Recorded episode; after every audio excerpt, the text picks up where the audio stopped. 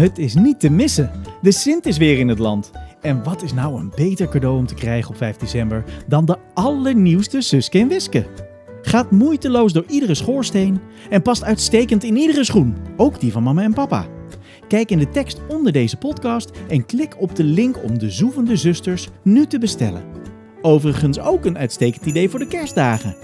En ook de nieuwste editie van de Chronieken van Amoras kan zo in je winkelwagentje worden gegooid, want die ligt vanaf nu in de digitale winkels.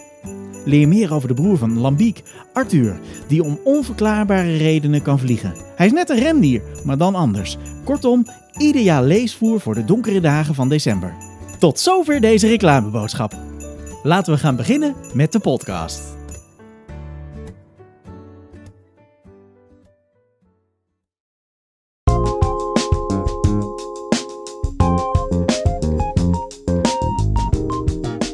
Welkom terug bij de Perfecte Podcast. Een reeks gesprekken met makers, kenners en liefhebbers van de beste strip van de Westelijk Halfrond, Suske en Wiske. Het zal zo rond 1986, 1987 zijn geweest dat mijn ouders mij een lidmaatschap voor de Donald Duck gaven. Een herkenbare ervaring waarschijnlijk voor vele generaties striplezers. En inmiddels lezen mijn kinderen hem ook iedere week wanneer hij op de donderdag weer op de deurmat is geploft. In de jaren 90 maakte de Donald Duck bij ons thuis echter plaats voor een ander wekelijks verschijnend stripmagazine. Het Suske en Wiske Weekblad. Hierin stonden niet alleen voorpublicaties van nieuwe Suske en Wiske avonturen, maar werd ook nieuw Vlaams en Nederlands talent een podium geboden. En ook oude verhalen van Studio van der Steen werden hiervoor afgestoft, opgepoetst en opnieuw aangeboden aan jonge abonnees. Een van de hoofdredacteuren die zich daarover ontfermde was Ronald Grosset. Hij schreef ook het boek Studio van der Steen, Chroniek van een legende 1947-1990. Een must-read voor iedere Suske en Wiske fan. Daarnaast schreef hij meerdere stripscenario's, waaronder dat van het hommagealbum De Verdwenen Joker, dat in november 2022 uitkwam en dat werd getekend door Dirk Stallaert. Ook hem hoor je in deze aflevering aan het woord. En natuurlijk is er ook weer een leeslijstje voor deze podcast, die het luisteren nog leuker maakt. Die vind je in de omschrijving van de podcast en in het artikel op de website deperfectepodcast.nl. Daar vind je ook de prijsvraag waarmee je een hardcover versie van het album kunt winnen. Veel plezier met Ronald Grosset. Mijn naam is Ronald Gosset en dit is de perfecte podcast. Dus in de hiërarchie staat, hij Van der hoger? Hoger dan de Sinterklaas. De jaren 60 zijn voor België in 58 begonnen. daar heb ik toch wel Jeromeke en Tante Sidonie erin gesmokkeld. Dus Men zegt dat ook, hè, dat eh, de Susken en Wiskes die je als kind hebt gelezen, dat je die altijd de beste gaat vinden. En ja, omdat ik zelf al 60 ben, is dat voor mij de Susken en Wiskes van de jaren 50, 60. Maar dan de generaties die nu 30, 40 zijn, die zijn opgegroeid met de Sus en van Paul Geers en, en Melk Verhagen. En laten we zeggen, de tieners van nu zijn dan weer opgegroeid met de Sus en van eh, Luc Morio en Peter van uh, Gucht. Hè. Ja, En, en die vinden die de eh, beste. Hè? Dat, dat vind ik eigenlijk wel een mooie vaststelling. Dat, dat was in de tijd toen ook al met Susken en Wiske Weekblad. Hè? Dat, want toen... ik ben in 95, zeker wel 94 begonnen bij Standaard Uitgever. Hè. Toen was ik dus zelf bijna 40. Maar ja, dan heb je ondertussen die jonge medewerkers, die eh, twintigers, die, die dan inderdaad zeggen, ja, de parel in de lotusboom, dat was mijn favoriet Ja, ja. album en dergelijke meer. Terwijl ik dan natuurlijk naar die klassiekers meer ga. Ja. Ja. De Klankentapper of eh, de Zwarte Madame of zo. Hè. Ja, ja, dat is inderdaad. Dat was eigenlijk, we rollen al meteen het gesprek in. Dat, dat zijn ook de vragen waarvan ik dacht: oké, wij, zijn, wij zijn van verschillende generaties. Ja. Er zit zo'n twintig jaar tussen. Ik heb, ik heb nu een, een blokje besteed in mijn leven aan Suske en Wiske. Maar eh, ik, zit, eh, ik zit tegenover een man die niet alleen een soort Suske en Wiske bijbel heeft geschreven, als ik het zo mag zeggen. Studio van der Steen, nou, Chroniek van een legende. Een boek over het reilen en zeilen van Studio van der Steen. Maar ook een boek over Kiekeboe. Eh, je hebt bij eh, de uh, Suske Weekblad gewerkt, wat je zelf al vertelt. Waar komt die fascinatie voor de strip dan zo vandaan? Ga, ja, het begint al direct met een heel moeilijke vraag natuurlijk. Ja, ten eerste als kind.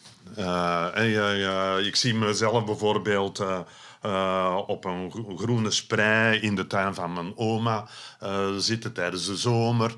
En er liggen dan een paar strips voor mij.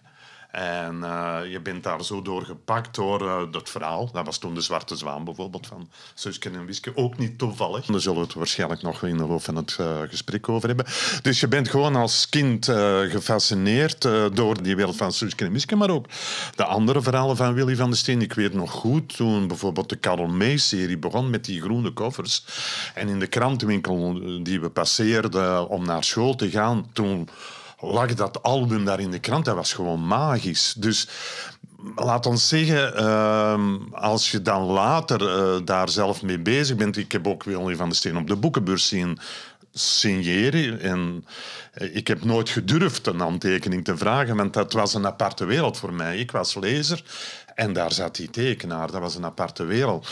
En, uh, maar als je dan later dan de kans krijgt om, om uh, iets met strip te doen. Ik denk de eerste professionele kans was dan omdat Mark van Oppen, Marvano me vroeg, als, uh, hij was toen hoofdredacteur van Kuifje, of ik niet voor Kuifje wat artikels wou schrijven. Oh. En dat was denk ik de eerste keer dat ik dan professioneel met stripstruk bezig was. Ik was ondertussen wel uitgever algemene boeken. Maar dan rol je binnen standaard uitgeverij binnen en heb je die kans. Waar komt dan die fascinatie? Ik denk dan die magie die toch nog altijd blijft. Ja. Vermengt misschien met een stukje nostalgie, maar het is vooral die, die uh, magie, die oh en wonder die je dan krijgt op het moment dat je als kind die verhalen leest en meegezogen wordt in die uh, verhalen van Van der Steen. Want ik heb ook uh, het geluk gehad, zal ik maar zeggen, om eens twee verhalen van Van der Steen te herschrijven. Eenmaal de Rode Ridder als de Red Knight. Oh ja, ja, ja, exact. Dat project van ik zei 2014 ongeveer, denk ik dat zal zijn geweest. Uh, nee, uh, nee, nee, 1990. Uh, oh, sorry, ik, deed, ik, was even in de, in de war met de Red Rider. Ah ja, nee, nee, daar heb ik totaal niks nee. mee te maken. Maar dus de Red Knight was een project, dat heeft Van der Steen nog zelf goedgekeurd. Maar hij is dan overleden en heeft het eerste album nooit gezien. Maar dat, de, de bedoeling was een aantal klassiekers van de Rode Ridder te herschrijven. we hadden gestart met de Vuurgeest. En dan ga je dat verhaal van de vuurgeest teruglezen. Maar dan merk je uh, dat er soms loose ends in dat verhaal zitten. Als je dat gewoon begint te analyseren. Maar als lezer merk je dan die, die, die vertelkracht van die verhalen. Ik heb ook een zwijgende getuige van Bessie herschreven in de klassiek, omdat dan Jeff Brooks uh, die hertekend heeft. Ook daar, en dan, uh, dan, dan zie je die kracht van die verhalen waar dan je door meegezogen wordt. Werd als kind en dan nog altijd als toch ouder. En, dan...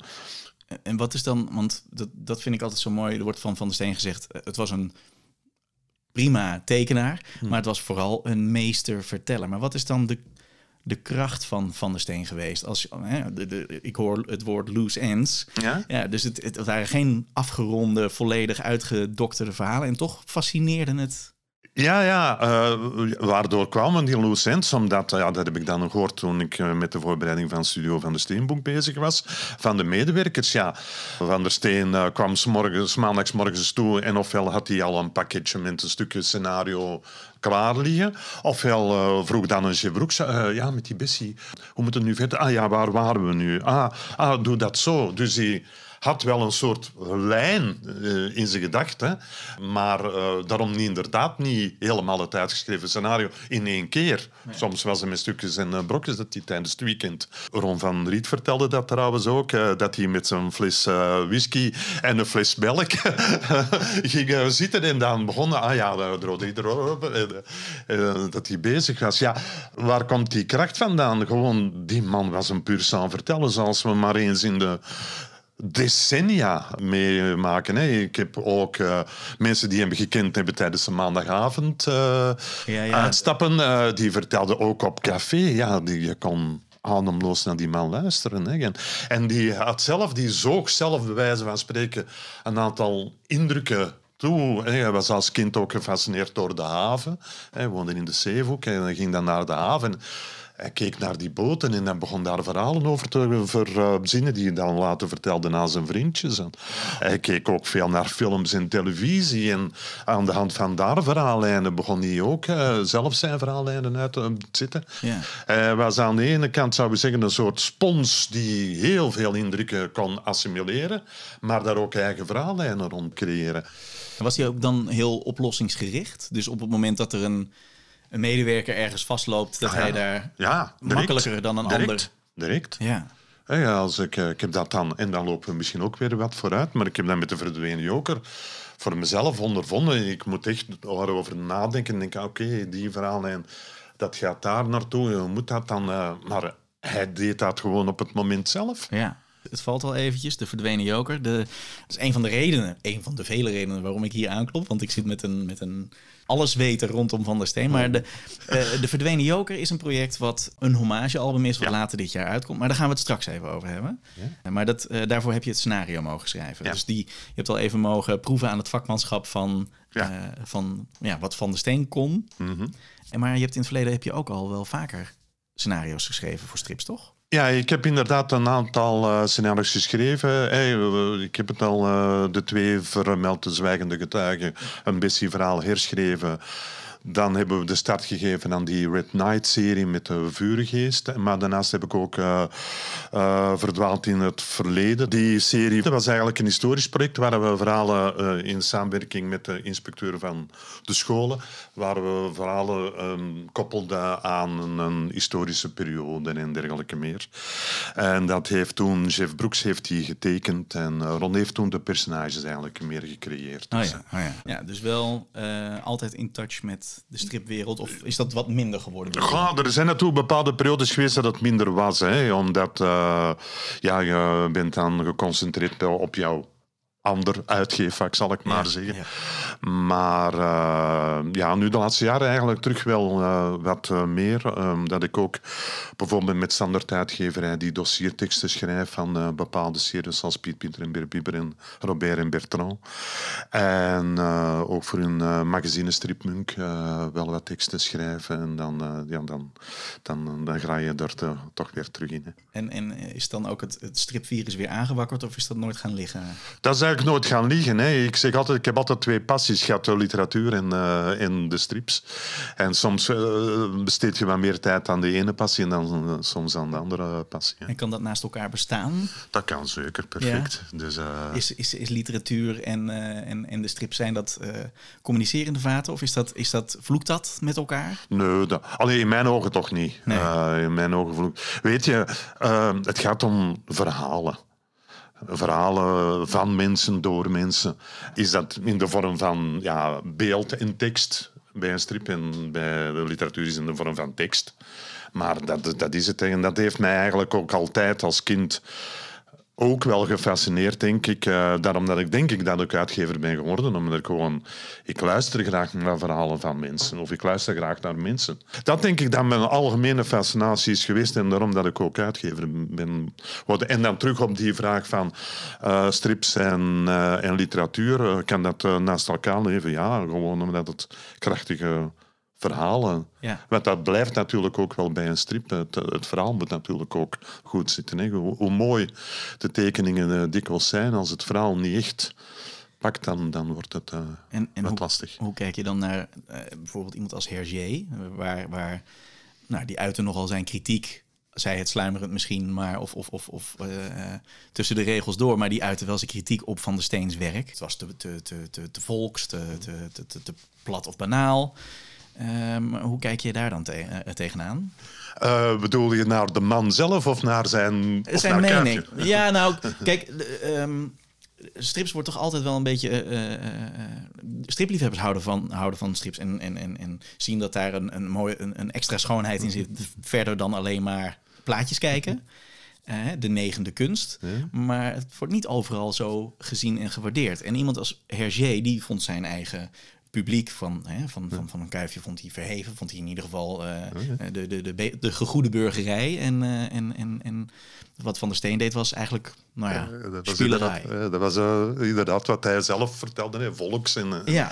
en vulgair, denk ik dat hij ook zelfs het woord gebruikte.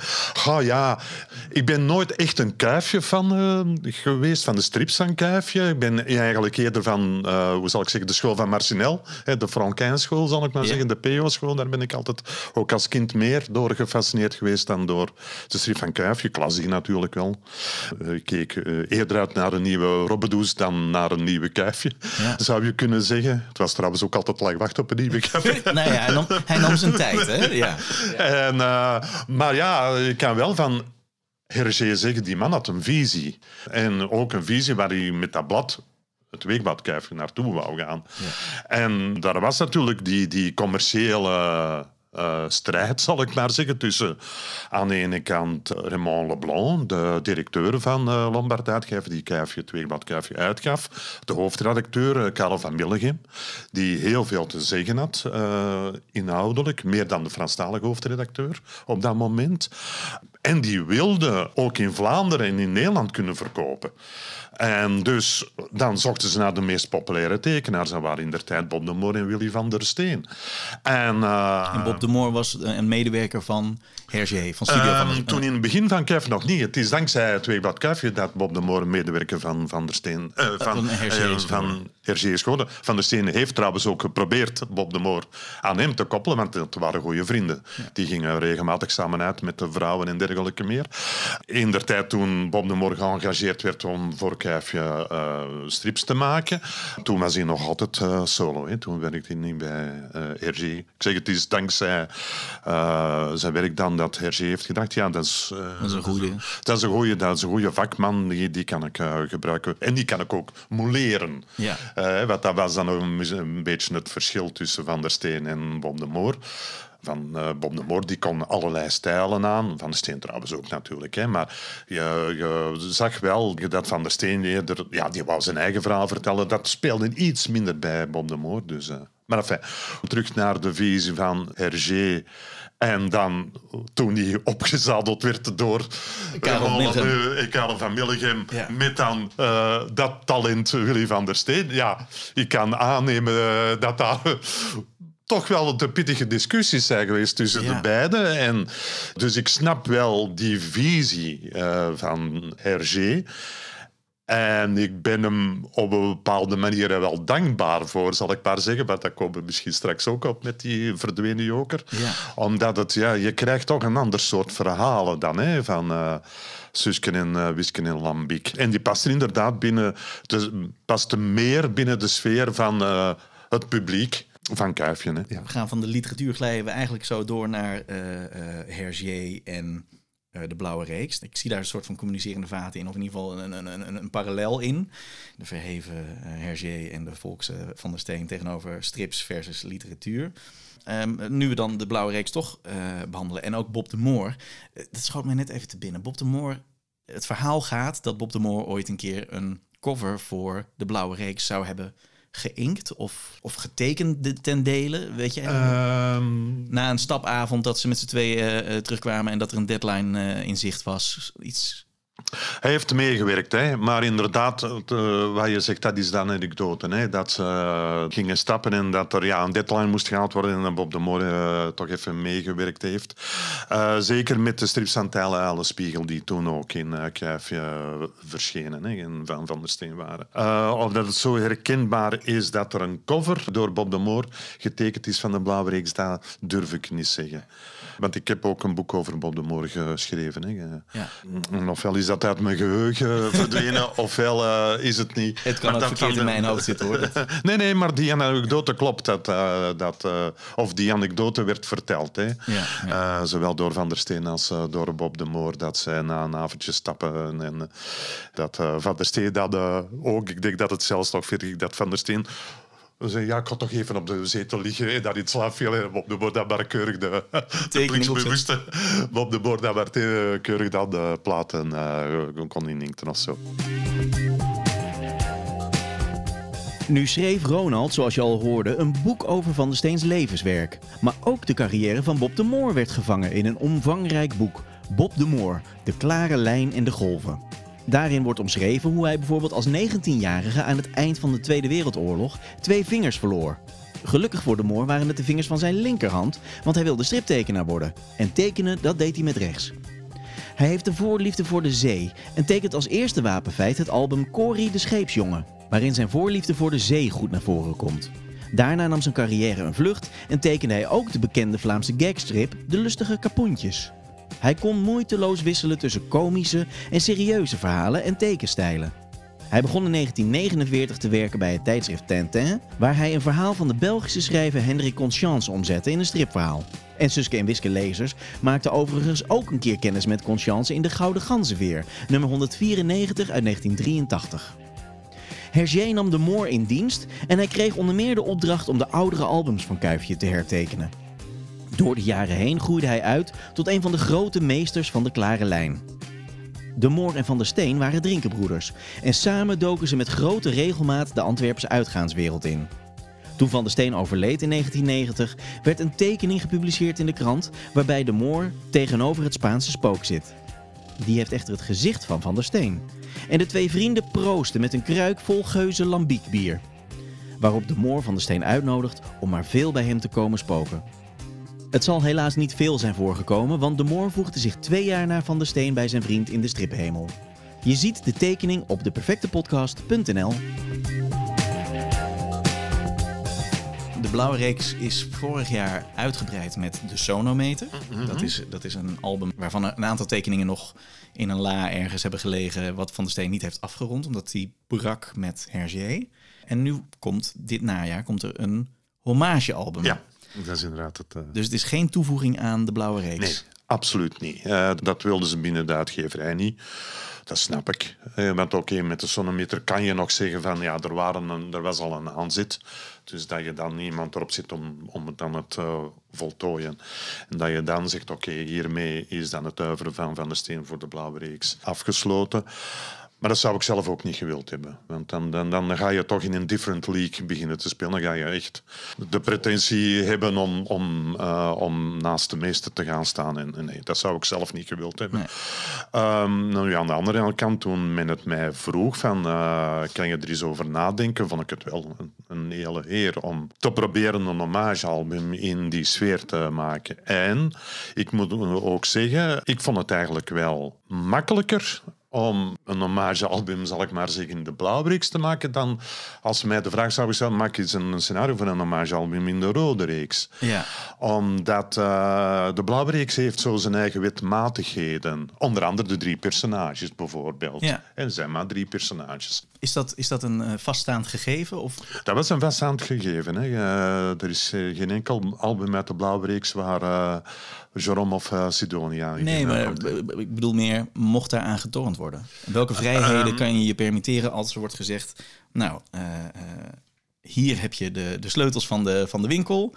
Maak maar een verhaal in de geest van Van de Steen of van de Blauwe Reeks. Van, In, in, de, in de geest van de blauwe reeks. Hè. Ja. Dat, eh, dat was wel, eh laten we zeggen, de vraag. En ja, de vraag was dubbel van... Stel je dat je er zelf niet uitkomt, weet je dat iemand die het zou kunnen doen. Eh, Ja. eh, want ja, toen heb ik antwoord, geef me twee weekends.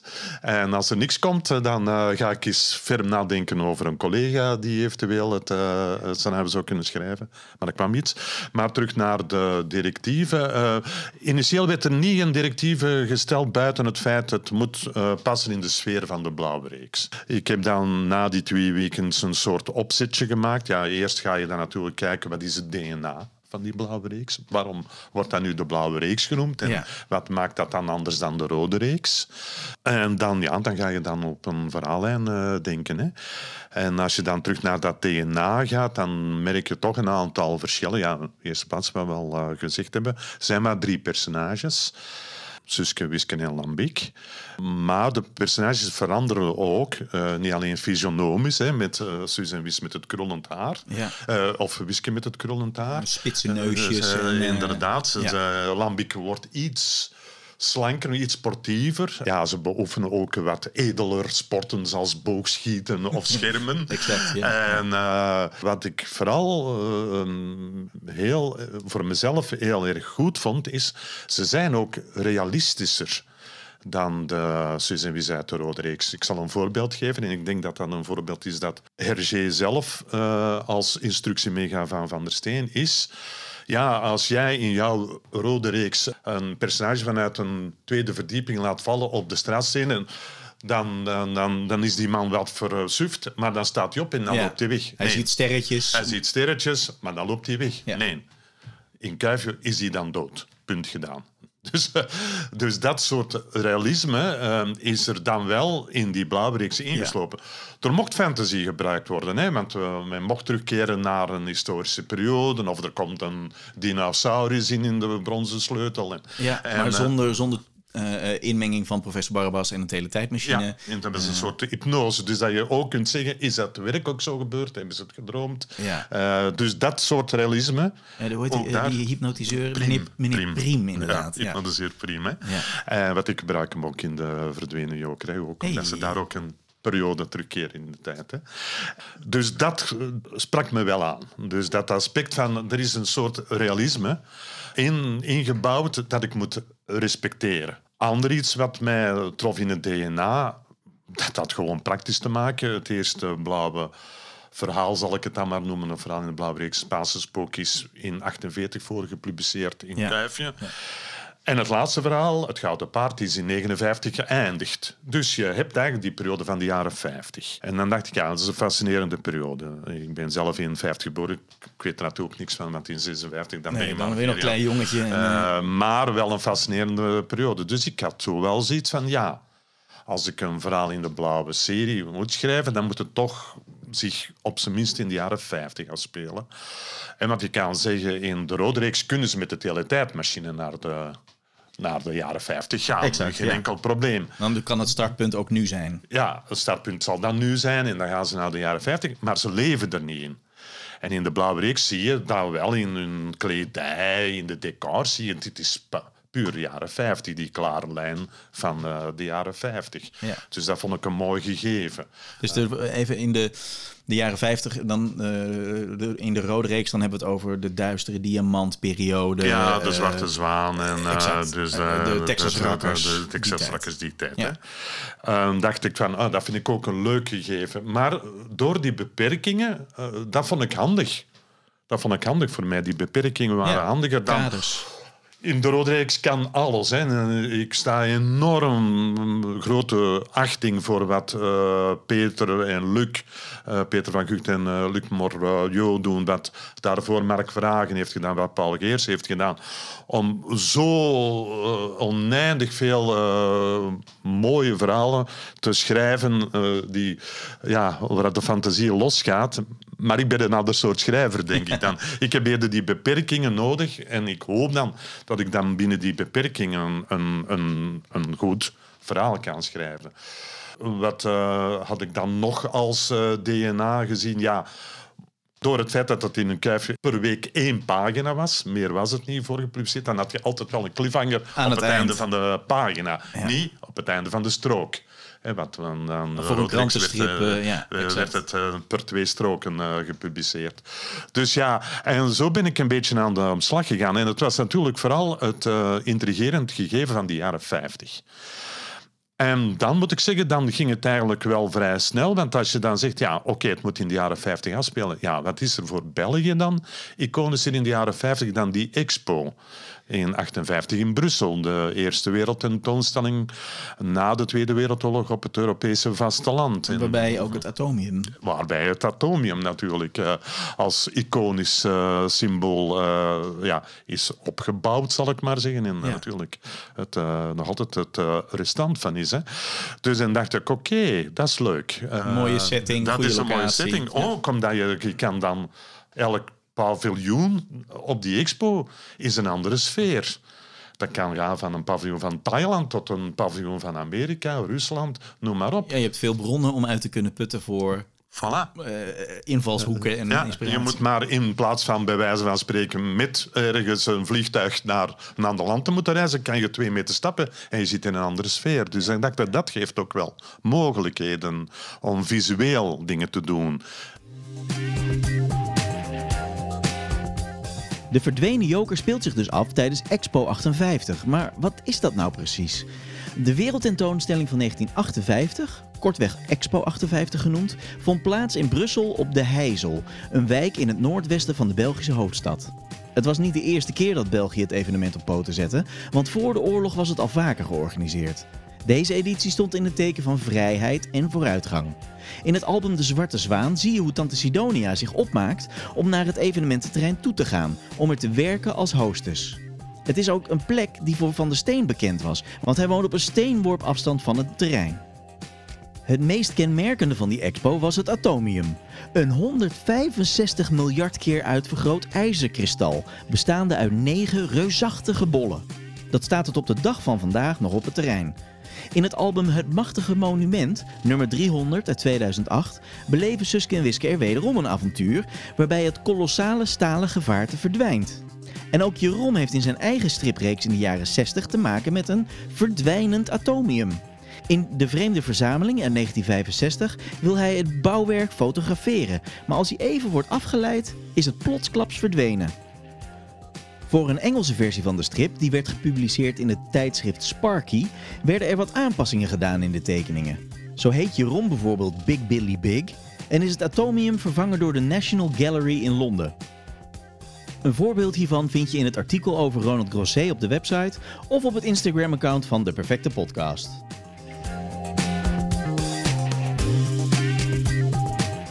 Men heeft direct tegen mij ook verteld dat Dirk Stallard ging tekenen. En eh, toen had ik zoiets, oké. Als Dirk Stallard het tekent, dan wil ik voor mezelf al eh, gewoon eens nadenken over een scenario. Moest het een ander tekenaar geweest zijn? Ik weet het niet.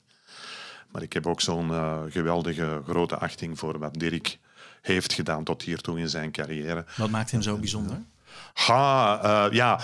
Hij wordt een beetje ook de chameleon genoemd. Van de, de, we zouden een beetje met Bob de Boer kunnen vergelijken, zou je kunnen zeggen. Maar hij is zo'n grote vakman. En hij heeft zo'n goede visie op uh, camerastandpunten. Op, uh, hij is, uh, zijn, ja, wat maakt hem zo om zijn geweldige vakmanschap. Hij heeft, hij heeft heel veel ook voor, voor anderen gewerkt. Hè? Ja, Sleen heeft hij dan natuurlijk vooral. Hè. En ook de, de Kiekeboes heeft hij ook. En hij heeft ooit ook voor uh, Studio van ja. Ja, ja, hij heeft ook. Uh, ik denk dat hij soms nog af en toe uh, wel eens wat bijspringt, denk ja, ik. Ja.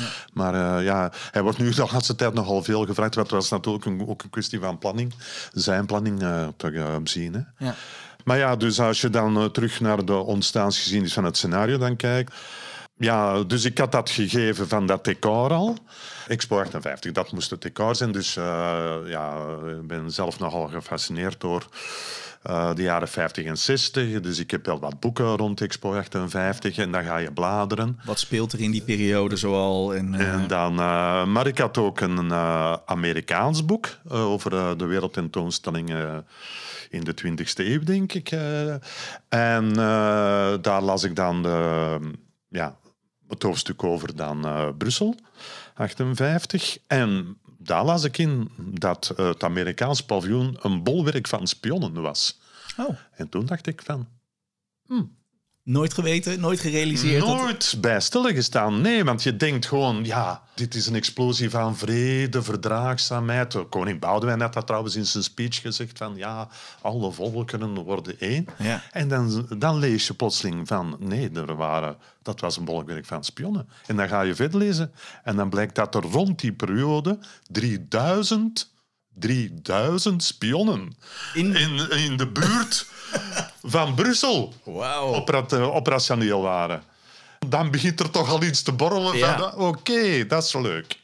Dat is een leuk gegeven. En, en het, is, het, staat denk ik ook aan de vooravond van de Koude Oorlog. We zitten midden in de Koude Oorlog ja, dan. Het, Want, communisme... Uh, de, de Cuba-crisis, ja. Fidel Castro die toch al stil, stilletjes aan Cuba aan het veroveren is.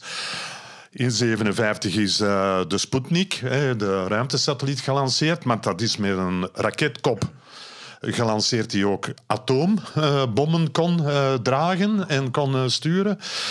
Dus er was die wapenwetloop langs beide kanten, zowel in Rusland als Amerika. En ja, dan denk je van oké, achter dat die mooie ja, façade ga ik het niet noemen, hè, want het was wel oprecht die vreugde en, en uh, het kijken naar de toekomst en uh, zien welke mogelijkheden. Maar er zat natuurlijk nog die keerzijde in.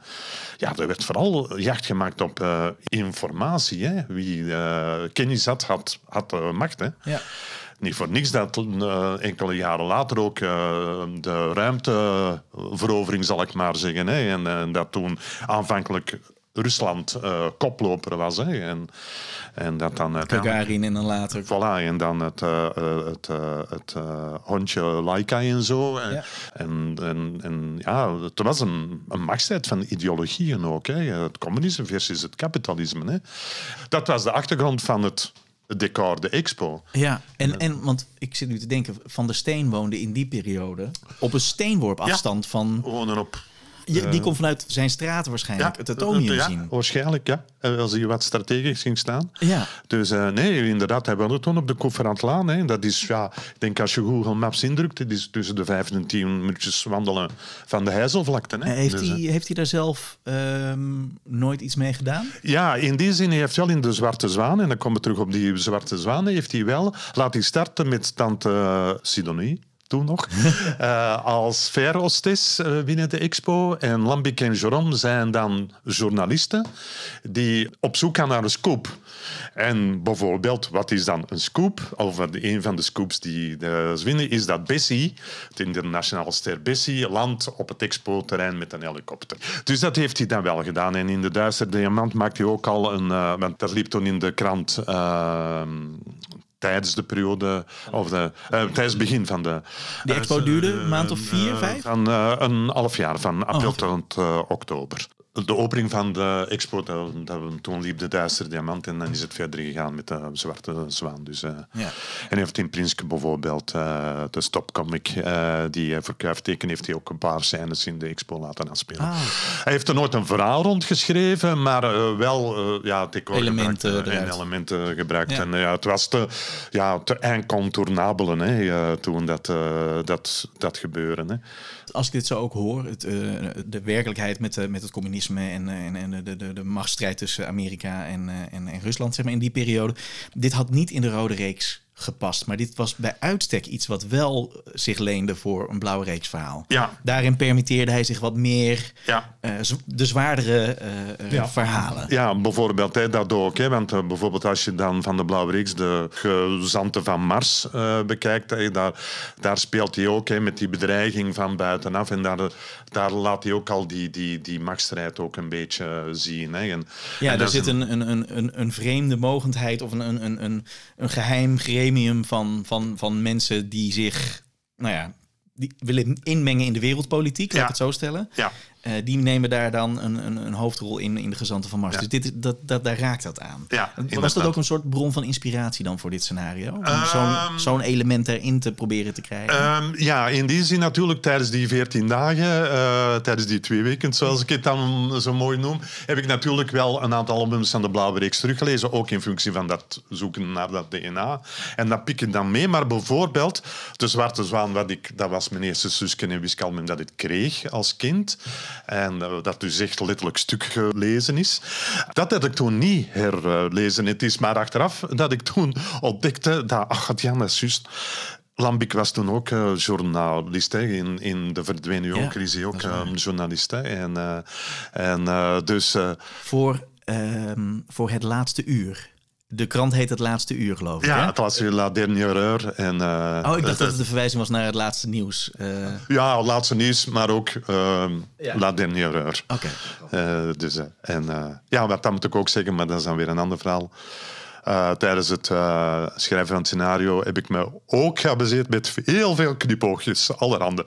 Wat ik wel niet mocht, en dat was dan wel een restrictie. Hè. Ik had dan een soort mijn basisverhaal. En uh, ging dan terug met Dirk van Haar en Helene Vrachten van Standaard rond tafel zitten.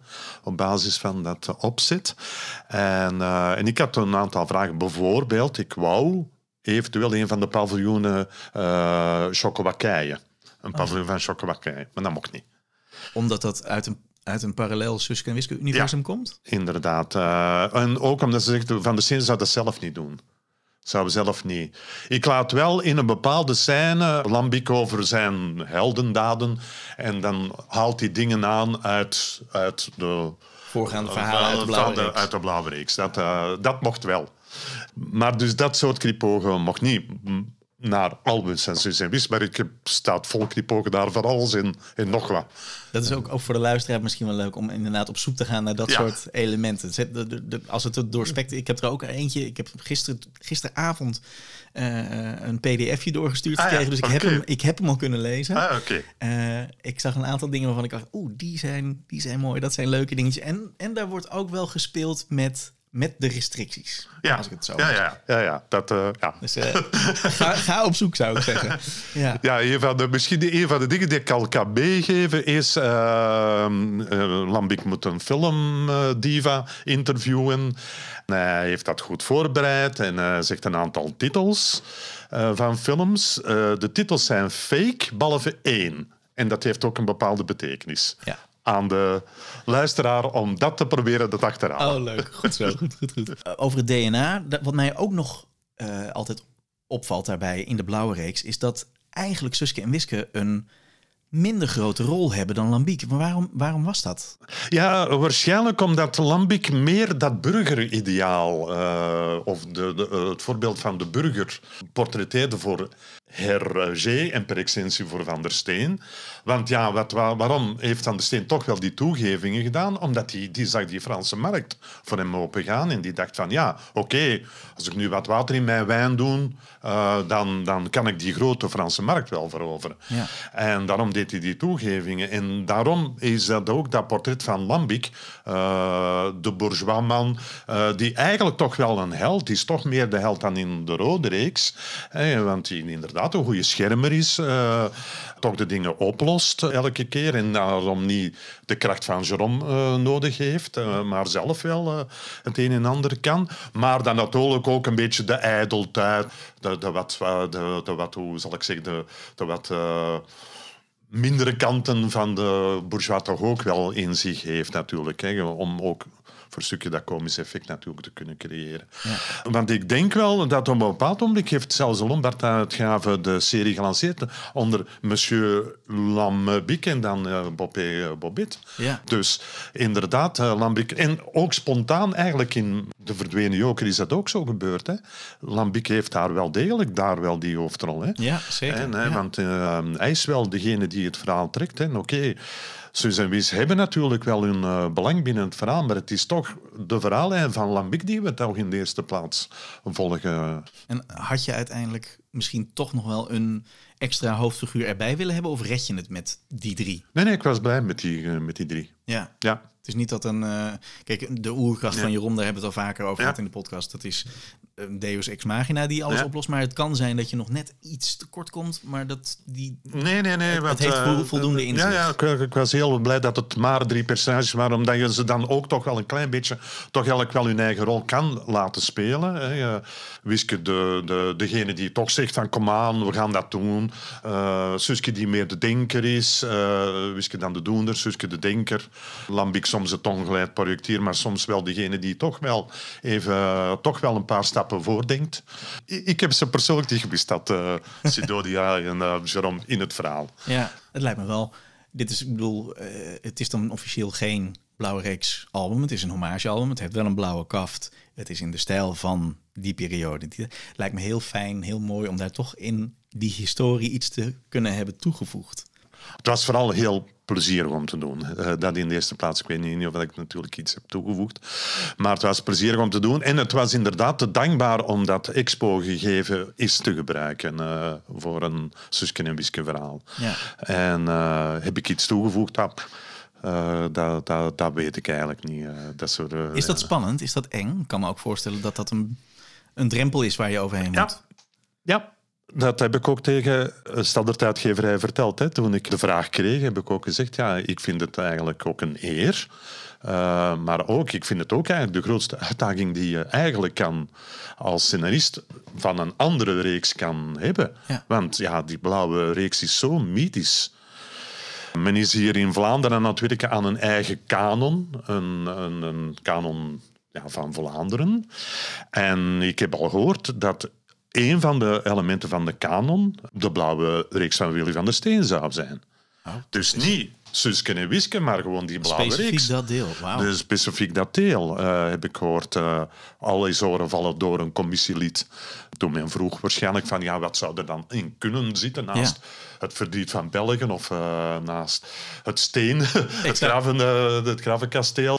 Eh, vertelde men ja, ja, de blauwe reeks van Wiske. Dus dat is wel heel iconisch.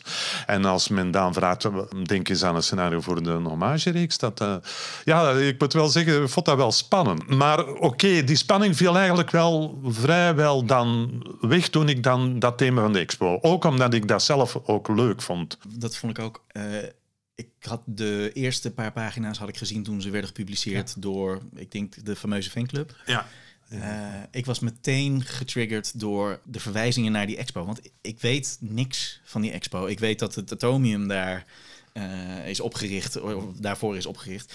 Maar verder niks. En, en van jongs af aan was, het, was die expo altijd voor mij een, een, een, een fascinerend ding. Want je weet dat eh, de, de eh, Eiffeltoren is eh, met, met een expo een keer in 18 zoveel. ja, ja, eh, inderdaad. maar wat behelst het en wat, wa- waar komt dat door en wat, wat, wat, waar is het voor? Als Suske dan het heeft over dat er een Citroën op zijn kop staat of zo. Ja, ik was meteen weer aan het googelen, want ik wil, ik wil daar meer over weten. Ja, wat, dat is dan ook leuk, Wat, is het, Ja, dat is dan ook leuk. wat is het, het nut van zo'n expo en wat doet het? Nou, ik vond het heel leuk om... Ik ben zelf op de expo geweest, ik zal het zo zeggen. Hè. Eh, mijn grootmoeder eh, en mijn moeder vertelden dat. Die hadden ook van die Viewmaster, dat je 3D-beeldjes Ja, ja, van de ja. expo-paviljoenen. En vertelden dat ze met ons, eh, mijn zusje, die twee jaar ouder is als ik, en met mij, naar de expo gingen. Maar ik zat toen nog in een soort kinderwagen. Ja, ja. Dus ik kan daar totaal niks aan herinneren. Maar Dirk Staller heeft wel een herinnering aan de expo. Maar dan moet je hem zelf eens vragen, denk oh, dat ik. ga, oh, dat ga ik doen, dat is een eh, goeie. dat is, eh, Ja, dat laat ik me natuurlijk geen twee keer zeggen. Bovendien stond Dirk ook met stip op mijn wensenlijst van mensen die ik wilde spreken. Deze bescheiden, maar bijzonder getalenteerde striptekenaar heeft met alle groten der aarde, die afkomstig zijn uit Vlaanderen, gewerkt. Hij tekende lange tijd de verhalen van Nero als assistent van Mark Sleen, werkte mee aan de kiekeboes van Merro en tekende ook meerdere kortverhalen van Suske en Wiske. Een man met vele talenten dus, die in 1995 zelfs werd beloond met de Bronzen Ademar, een prestigieuze stripprijs in België. En Dirk tekende ook al het verhaal van de sonometer, in de stijl van de blauwe reeks, en werd nu gekoppeld aan Ronald Grosset voor dit nieuwe verhaal. Reden te meer om hem eens te bellen.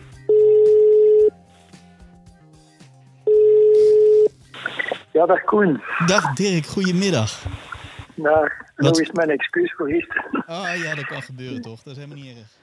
We hadden een belafspraak staan, maar ondanks verwoede pogingen om hem te bereiken, kreeg ik steeds een voicemailstem aan de lijn. Dat is Kan gebeuren. Gelukkig konden we snel overgaan tot de kern van onze belafspraak, die natuurlijk weer begon met de allerbelangrijkste vraag die er is. De hamvraag. Wat zijn je favoriete albums? Mijn favoriete albums die situeren zich toch voornamelijk halverwege de jaren 60 of begin jaren 60. Bijvoorbeeld de Gouden Cirkel vind ik fantastisch. Ja, dus het is, het is zeg maar de periode dat, laten we zeggen, Van der Steen net klaar was met de Blauwe Reeks. Rond die periode? Ja, eigenlijk valt dat ongeveer samen, ja. Ja. Eh, eind jaren 50, begin jaren 60. Ja, dat klopt. Ja, dat is juist.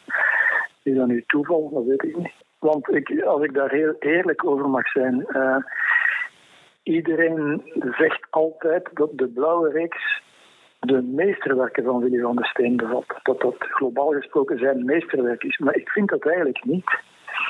Ik vind, ja, je kent de geschiedenis. Hij werkte toen voor het weekblad Kuifje en Hergé was daar artistiek directeur. En eh, die patroniseerde hem toch wel een beetje, was nogal bazig, neem ik aan. En, en ik zal niet zeggen dat, hij- dat hij Willy van der Steen zijn stijl opdrong, maar het kwam er toch bijna op neer, denk ik.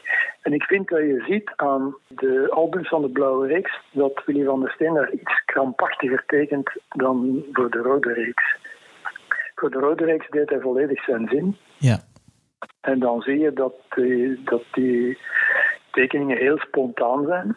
Misschien een beetje stunteliger, misschien, maar dat had zijn charme. En ik zie in de blauwe reeks dat uh, die klare lijnstijl van, van Hergé er veel sterker doorkomt. En dat is ja, kwalitatief misschien objectief bekeken misschien wat beter. Maar ik vind dat er een deel van de charme weg is. Maar uh, ik wil natuurlijk niet gezegd hebben dat die blauwe reeks niet goed is. Verre van, verre van natuurlijk. Ja, ik wil alleen een beetje counteren wat er voortdurend gezegd wordt uh, over die blauwe reeks, waar ik het niet helemaal mee eens ben. Ik zal het zo iets voorzichtiger stellen. ja, precies. Maar uh, nu dan wel uiteindelijk twee albums mogen tekenen in de stijl van de blauwe reeks. Is het dan niet verleidelijk om dan die veranderingen die door Hergé zijn opgelegd, om die dan terug te draaien of dat dan toch erin te verwerken? Nee, omdat paradoxaal genoeg, ik ben een zeer grote fan van Hergé. Ik herlees, ik ben er trouwens nu weer mee bezig, op gestelde tijden al die kuifjes. Ik vind een van de allerbeste striptekenaars ooit. Ik, vind, ik vond alleen jammer dat hij Willy van der Steen niet laten zijn heeft wie hij was. Namelijk een, iemand met een ongebreidelde fantasie. Die misschien iets minder strak tekende dan hij. Maar, maar ik ben wel een, een geweldig grote fan. Dus het, uh, bij, bij het tekenen van die twee blauwe reeksalbums heb ik bij het tekenen daarvan heb ik mij ook wel uh, op die Hergé-stijl gericht. Ja, dus wat minder die, die losse stijl die Van der Steen voor de rode reeks had op dat moment, maar wel wat hij deed voor ja. Tintin, voor Kuifje. Ook, ja, ook omdat het voor mij iets makkelijker uh, was, omdat ik in de tijd de, de reeks Nino getekend heb. En dat was echt wel een beetje namaak Hergé. Dus ik had mij toen wel ingewerkt in die typische klare lijnstijl. Ja. En die heb ik uh, min of meer in de vingers. Ja, Terwijl de, de, de Van der Steen-stijl van, van de jaren 50, ja, dat zou ik dan toch weer moeten uh, zitten nabootsen. En dat, uh, dat maakt allemaal een beetje krampachtiger dan. Ja. Dus is, zou je dan kunnen stellen dat, dat uh, de verdwenen joker meer weg heeft van een Nino of Kuifje album dan een origineel Van der Steen album? Of gaat dat te ver? Totaal, totaal onmogelijk, mission impossible om iemands stijl volledig te imiteren. Ja. Ik heb zo'n beetje de roep dat ik dat tamelijk goed kan, andere stijlen nabootsen, maar dat is nooit exact hetzelfde. bestaat niet. Dat is als het namaken van een handtekening of nog moeilijker het schrijven van een tekst in andermans handschrift. Dat is, ja. dat is eigenlijk bijna onmogelijk. Maar ik doe wel mijn best natuurlijk. Ja, en is die tijdsperiode dan wel ook iets wat je leuker vindt om te tekenen? Ik kan me voorstellen dat dat... Hè, je hebt bijvoorbeeld ook uh, Suske de Rat uh, getekend. Dan ga je ook alweer terug naar de oude Van der Steenstijl. Ja. Ligt die tekenstijl uit die periode uh, je dan wat meer dan iets, iets van nu? Ja, ik teken wel graag voorwerpen en, en, en architectuur en auto's en zo uit, uit die tijd. Ja. Ik teken bijvoorbeeld niet graag uh, heel moderne apparatuur. Bijvoorbeeld een tv, dat, een tv-scherm, dat is gewoon maar een, een rechthoek. Daar, daar is niks leuks meer aan om te tekenen. Of, of een, ik teken liever een oude bakkeliet, een telefoontoestel, dan, dan iets moderns. Ja. Um, en auto's van de jaren 50 vind ik veel leuker om te tekenen dan, dan hedendaags.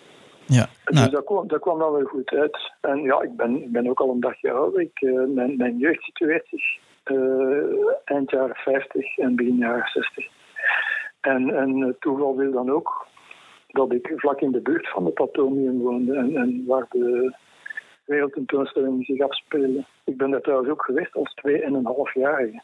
Oh, echt waar? Een zeer, je hebt er een zeer vaag beeld van. Zo een, een paar uh, ja, vage beelden die ik me, die ik me nog herinner. En zoals wat? Waar moet ik het atomium of dan echt uh, de paviljoenen nee, die er stonden? Niet het atomium, maar een, een reusachtig, een van die paviljoenen. Uh, die ja, zeker voor een kind van 2,5 jaar enorm moeten geweest zijn.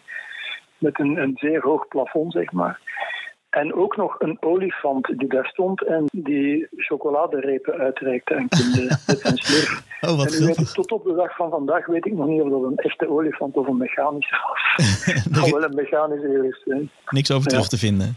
ja, ik heb er ook niet echt naar gezocht. Nee. Wat ik persoonlijk altijd heel mooi vond aan de Blauwe Reeks van Van der Steen... is dat er heel veel meer, denk ik nog, dan in de reguliere reeks... dat er heel veel oog was voor detail en achtergronden. En dat zit echt heel sterk in de, in de verhalen van de Blauwe Reeks. Dat zat, Ja. zat ook in de sonometer. Kunnen we dat ook weer verwachten van de verdwenen joker? Wel, ehm, ja, de wereldtentoonstelling speelt zo'n beetje een rol. Dus het is een belangrijke locatie en eh, al die paviljoenen waar, eh, waar het verhaal zich afspeelt, zijn wel nogal in detail getekend eh, weergegeven. Voor zover ik kon natuurlijk, want als er iets niet goed eh, te onderscheiden valt op een foto, ja, dan moet je wel een beetje je fantasie gebruiken.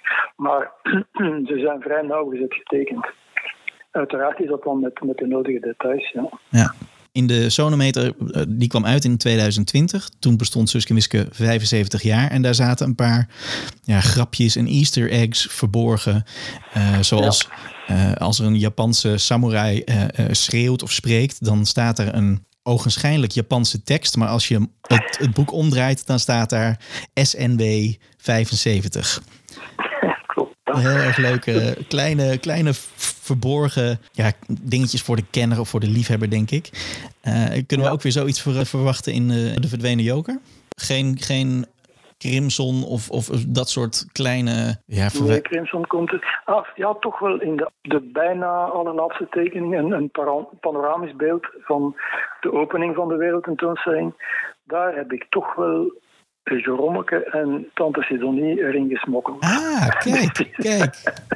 Toch eventjes een kleine knipoog naar, eh, naar de andere ja, helden. RG is, er toch niet meer om mij op de vinger te tikken. Dus het, kon, het kon eventjes. En dit, dit was niet uw eerste werk voor Studio van de Steen. Eh, wat, wat, wat, wat, wat heb je nog meer gedaan voor ze? ja, ik heb inderdaad wel sporadisch voor de studio gewerkt. Ehm, vrij vroeg, toen, toen Luc eh, de zaak overgenomen heeft als, als hoofdtekenaar. Mhm. Eh, dan spreken we van 2000 en iets van Vijf. 2005 of Vijf, zo. ja. ja. Vijf, ja. ja. En, maar wat ik toen voornamelijk gedaan heb, dat is eh, aan de kortverhalen gewerkt voor Tros Kompas. Oh ja. En dan heb ik ook meegewerkt. Het is natuurlijk altijd meewerken aan. Hè. Dus je maakt nooit een, een heel album alleen. Nee. Ik heb ook meegewerkt aan een drietal lange verhalen, dacht ik. Uit, uit de reguliere reeks. Ehm, wel- welke waren dat ook alweer? Nee, Suske de Rat. weet- begint sterk te... Ja, Siske de Rat. Ja. Ja. En volgens mij, maar dat, dat weet ik niet zeker, was de Waterzater en de Ja, Zep... en de Zap aan de Ziel. Ja, precies. Ja. En, en nooit gevraagd om, om nog een keer iets te doen? Of, of, of misschien om, eh, eh, om, om een andere rol te vervullen binnen de studio? Eh, nee, dat is mij nooit gevraagd. Dus ik heb altijd eh potloodwerk gedaan. Dus het, Ja. eh, het opzetten van de pagina en, en het uitwerken van de personages in detail. En dan het, het aanzetten van een decor. En een klein beetje uitwerken. En dat ging dan naar een, naar een decortekenaar. En daarna naar de inter. Het is een hele studio. Hè. Ja. En, die studio heeft u zelf ook nog een keertje bij gesolliciteerd, meen ik, in de jaren tachtig. Ja. Was dat een, een, een, een jongensdroom of was dat een schot voor de boeg of hoopvolle poging? Ja, het was echt wel een poging om, om eh, professioneel aan de slag te kunnen gaan als striptekenaar. En toen heb ik, ja, ik zal een eh, jaar of 25 geweest zijn, denk ik. En toen heb ik eens een brief naar Willy van der Steen gestuurd met een, eh, een aantal tekeningen bij. En die heeft heel vriendelijk geantwoord dat, dat hij niemand nodig had, dat de studio vol zet was en dat ik eh, zo moest doorwerken en dat ik op goede weg was of zoiets. Ik niet. Achteraf is mij gezegd dat hij die brieven niet eens zelf schreef. dat eigenlijk Paul Geerts was die ze ook zijn handtekening naboot. Oh ja, oh ach. Heb je hem ooit ontmoet? Willy van der Steen heb ik nooit, nooit, nooit, nooit gezien. Alleen op tv. Ja. Jammer, ja. Ja, de ongrijpbare mythe da- daardoor nog, nog steeds misschien. Het rare is ook, ik woonde in de tijd van de wereldtentoonstelling daar in de buurt. En Willy van der Steen woonde daar ook, maar dat wist ik niet. Anders was ik zeker eens op bezoek gegaan. Op speurtocht door de, door de buurt. Ja, ja, ja. ja Ja. die woonde daar vlakbij. Ja. De sonometer heeft u gemaakt met, met eh, François Cortegiani. Die is helaas overleden in september. Ja. En Ja. eh, nu met Grosset als ehm, scenarist. Maar schrijf je zelf normaal gesproken ook scenario's? Of werk je altijd samen met een scenarist? Nou, ik werk praktisch altijd samen met een scenarist. Dus een, een zeer lastige klus, vind ik, een scenario maken. Het is een, een heel puzzelwerk, alles moet kloppen. En, en ik, daar ben ik echt een beetje te lui voor. Ja. Tekenen, daar kan ik zeer veel tijd in steken, maar, maar ik, ben, ik, ik heb er ook niet uh, het talent voor. Ik ben geen, geen echte... Ik kan wel, wel een behoorlijke tekst schrijven of zo, maar een plot bedenken, hmm, ben ik niet sterk. Dus dan laat ik het niet voor aan mensen die dat wel kunnen. Als dan zo'n verhaal van Ronald uh, binnenkomt, en dan, dan, dan lees je dat. En zijn er dan wel dingen waarvan je denkt, oh ja, dat, dat, ik zie wat je wil doen, maar de grap zit hem misschien meer in het visuele. Of dat zou je moeten veranderen. Of ga je wel, vaar je dan blind op wat er is aangeleverd? Ja, ik verander zelden of nooit iets aan een, aan een scenario. Wel bijvoorbeeld aan bladindeling of zoiets. Dat vind ik wel de taak van een tekenaar. De scenario schrijver kan dat aangeven. Maar uh, het visualiseren van een, uh, van een scenario, dat is toch wel het werk van de tekenaar. Mm, maar ik verander eigenlijk praktisch nooit. Nee. nee. Teksten of zo. Ik denk, bij de verdwenen ook heb ik helemaal niks veranderd. En het, uh, het inkten en het kleur, inkleuren, doet u dat wel zelf? Of is daar iemand anders uh, voor ingeschakeld? Het inkleuren, uh, voor het inkleuren werk ik samen met mijn echtgenoot. Die doet de basisinkleuring en dan effectjes en zo, die neem ik voor mijn rekening. Oh ja. Kleine obscure toestanden en zo, schaduwwerken en dat soort dingen. Ja. Dus ja. we doen dat samen, ja. Um, gaan we een beetje al naar het einde toe. Ik vroeg mij af, smaakt dit naar meer? Kunnen we nog in de toekomst uh, een vervolg verwachten in de stijl van de Blauwe Reeks met Dirk Stallaert als tekenaar? Als men mij dat vraagt, dan wil ik dat zeer graag doen, maar dat is een zaak van de uitgever uiteraard van de uitgever en van de erven van der Steen. Dat die, uh, dat die baas zijn over die reeks en over die personages. Ik heb daar niks aan te vertellen natuurlijk. Nee, maar, maar ik, uh, dat weten ze ook wel. Ik ben, ik ben altijd wel kandidaat. Als ze mij dat zouden willen vragen, dan wil ik dat heel graag doen. Nee, maar je bent nog niet uitgekeken op de karakters en de, en de stijl? Nee, nee, absoluut niet. Men mag het mij vragen. Terug naar Ronald Grosset. Nu heeft Ronald nog een grote rol gespeeld in de geschiedenis van Suske en Wiske, want hij was namelijk betrokken bij het Suske en Wiske Weekblad. Een wekelijks verschijnend tijdschrift dat bestond tussen 1993 en 2003. Toen de Lombard-uitgeverij besloot te stoppen met het tijdschrift Kuifje, kwam er ruimte voor een nieuw stripmagazine in de welbekende leesmap. Rob Harre, de eerder dit jaar overleden stripuitgever, wees standaard uitgeverij daarop. Zij hadden daar wel oren naar en ze doken in dat gat, in eerste instantie met een Suske magazine als test. Dat sloeg aan en daarna zijn ze in zee gegaan met Marc Legendre als hoofdredacteur. Die trof echter op een dag Ronald op een terras in Antwerpen-Zuid, waar de twee in gesprek raakten met elkaar.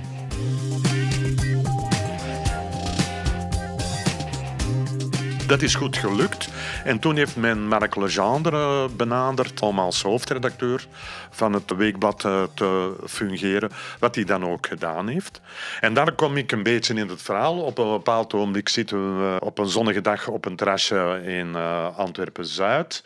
En iets verder zit Marc Legendre. We kennen natuurlijk elkaar we geraken aan de babbel. En Mark vroeg mij, uh, Ronald, jij hebt al een beetje ervaring met het schrijven van artikelen voor stripweekbladen, onder andere Kuif en Robbedoes. Zou je het zien zitten om uh, mee te werken aan het uh, Suske en Weekblad? Heb ik met alle plezier beginnen doen. En kort daarna, een jaar of anderhalf jaar daarna, heeft de uh, directeur van de strips van uh, Standaard Uitgeverij, Dirk Willems, mij gevraagd of ik überhaupt niet als werknemer kon ah, ja. gaan werken binnen de stripafdeling van Standaard Uitgeverij. En dan werd ik meteen gepromoot in die zin dat ik niet alleen teksten schreef, voor het magazine, maar dan ook uh, eigenlijk de keuze van de strips in het uh, weekblad kon bepalen. Naast de gevestigde waarden die er steeds moesten in zijn. Vier pagina's Sus en Wis, vier pagina's Kiekeboe. Was Kiekeboe toen al een, een, een, dragende strip voor ja, ja, ja, uh, standaard? Ja, ja, ja. ja.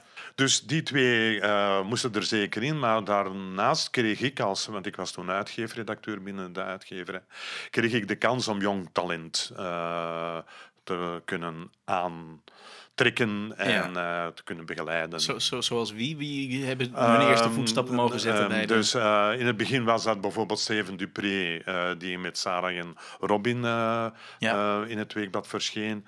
Was hij, toen, was hij toen jong? Was het een jonge Ja, teken? ja, ja, hij was toen... Begin was toen- 20 of Ja, zo? zo ergens een twintiger, hè. Want dat was, dat was al wel voor die tijd, vond ik het een heel erg goed afgewerkte stijl en strip. Voor Ja. iemand van, van, nou ja, die aan het begin van zijn carrière stond. Ja, en dat we moet ik ook zeggen, eh, die strip was meteen al razend populair. Dat merkten we aan de lezersbrieven die binnenkwamen. Dus eh, die hebben kunnen eh, in het weekblad plaatsen. Ik heb ook heel veel Nederlandse talenten kunnen plaatsen. Minko Oosterveer, Willem Ritstier, Jeroen Steenhouwer. Maar wat waren nog meer rubrieken die erin zaten? Want dit, dit zijn de, de, de dragende strips van Standaard. En er werden ook oude strips in gepubliceerd, zoals van Jeroen of eh, eh, oude reeksen van Van der Steen. Maar wat voor rubrieken waren er nog meer? Eh, wat waren rubrieken? Ja, we hadden natuurlijk oog voor wat er leefde binnen de jongeren. En dan, dan kon dan gaan, toen waren de eerste Gameboys en zo. er, en, maar ook, ja, er zat ook wel heel veel ecologie ook al in, het ecologisch aspect.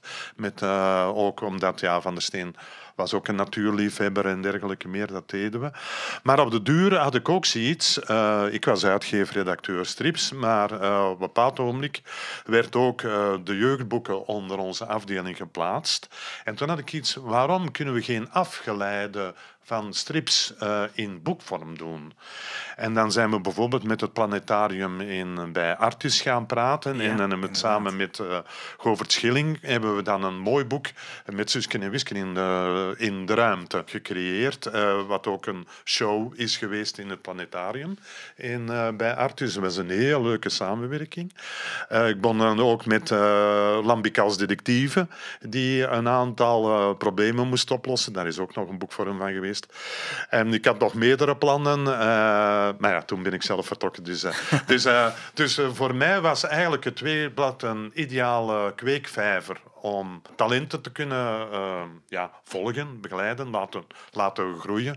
Je hoefde nog geen albums te, direct van te maken. Je kon ze laten groeien tot je zelf zoiets had was wel een beetje een frustratie, want buiten Sarah en Robin en Baxter ging het heel moeilijk bij mijn eigen directie om dan albums van die eh, strips Ja. te krijgen. Eh, dat vond ik dan zelf wel een jammere zaak, maar enfin, eh, dus, ik denk dat ik toch wel, eh, onder andere ook Charles Cambre heb ik helemaal op het laatste nog de kans gegeven om met Street Kids in het weekblad te beginnen. En dan ben ik toch blij dat ik daar ook een, een beetje heb bijgedragen. Charles is zo'n megatalent dat, dat hij er zonder publicatie dit weekblad ook wel zou gekomen zijn. Maar eh, allee, het, het, het is toch wel prettig Ja. geweest om mee aan het eh, begin van zijn carrière te kunnen staan. En het- heeft tien jaar bestaan. Was, het, was de koek aan het eind op? Of... Ehm, ik heb toen, eigenlijk toen ik vertrok in 2000, heb ik een soort apologie voor het weekblad eh, geschreven, een heel dossier. Waarom het weekblad er moest blijven. En ik had het ook helemaal berekend, hè, onder andere nog altijd met die leesportefeuilles, die toch een paar tienduizend exemplaren bleven in de leesportefeuille. En, eh, dus ik had een heel apologie. eh, eh, en wat volgens mij wel leefbaar was. Mits inderdaad wel het recycleren van wat oudere verhalen en dergelijke meer. Maar wat een leefbaar gegeven bleef, ja, wat er natuurlijk de jaren na mij gekomen is en hoe de filosofie zat, dat, Nee, dat weet ik niet. Hè. Nee, nee. We hebben volgens mij alle punten behandeld, besproken die, die, die zo bij dit gesprek eh, hun plek moeten vinden. Hartelijk dank voor eh, de uitgebreide toelichting en eh, geniet van het verschijnen van De Verloren Joker. De verdwenen jongen. Och, doe ik het weer. Verloren, ik weet ook niet waar het vandaan ja, komt ja, hoor. dat is Freudiaans. Ja, ja, ja dat, is, het, dat moet Freudiaan zijn. Maar ik zal er in ieder geval inderdaad van eh, genieten. Ja. Nee, nee, dat- ik vind het zelf, ik, zeg het, eh, ik heb het zelf een hele eer gevonden toen men mij vroeg. En toen ik voor mezelf vond, ja, de puzzelstukjes in het scenario komen samen. Eh, toen had ik ook, zelfs die historische scène, eh, waar, waar ja, dat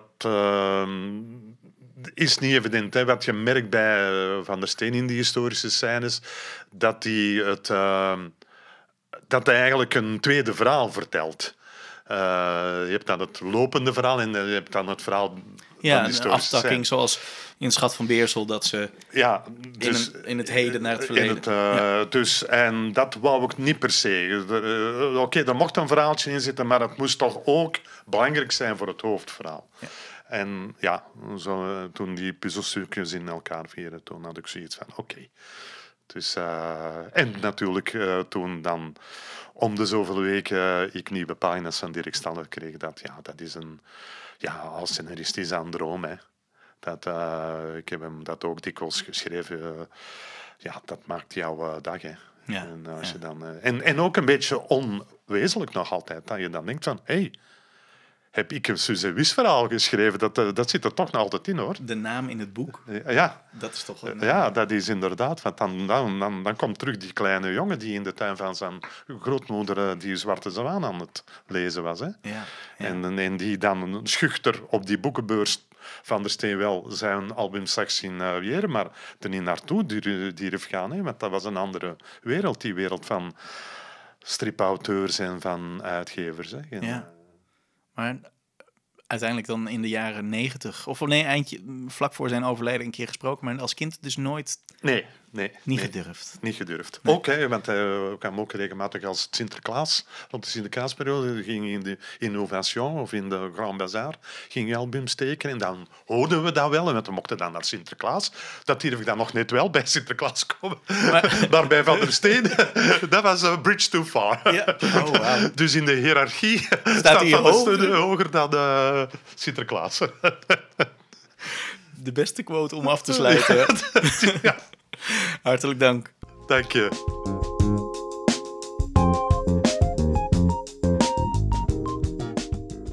Tot zover het gesprek met Ronald Grosset. Hoewel, iets zegt me dat je hem in de volgende aflevering ook nog kort gaat horen. Dan spreek ik namelijk met Ron van Riet. Hij werkte vanaf 1970 bij Willy van der Steen en heeft onder andere lange tijd gewerkt aan Robert en Bertrand. Een onderwerp waar ook Ronald Grosset over mee kan praten. Ben je na dit gesprek nou benieuwd naar de verdwenen joker? Doe dan mee aan de prijsvraag op de website. Ik geef onder mijn luisteraars namelijk 5 hardcover exemplaren weg van het speciale hommagealbum. En vergeet niet om de podcast met sterren, reviews en likes te overladen. Hè? Dat is namelijk heel goed voor het bereik van nog meer luisteraars. Het wordt erg op prijs gesteld, dus doe je best. Tot de volgende keer. En de knipoog.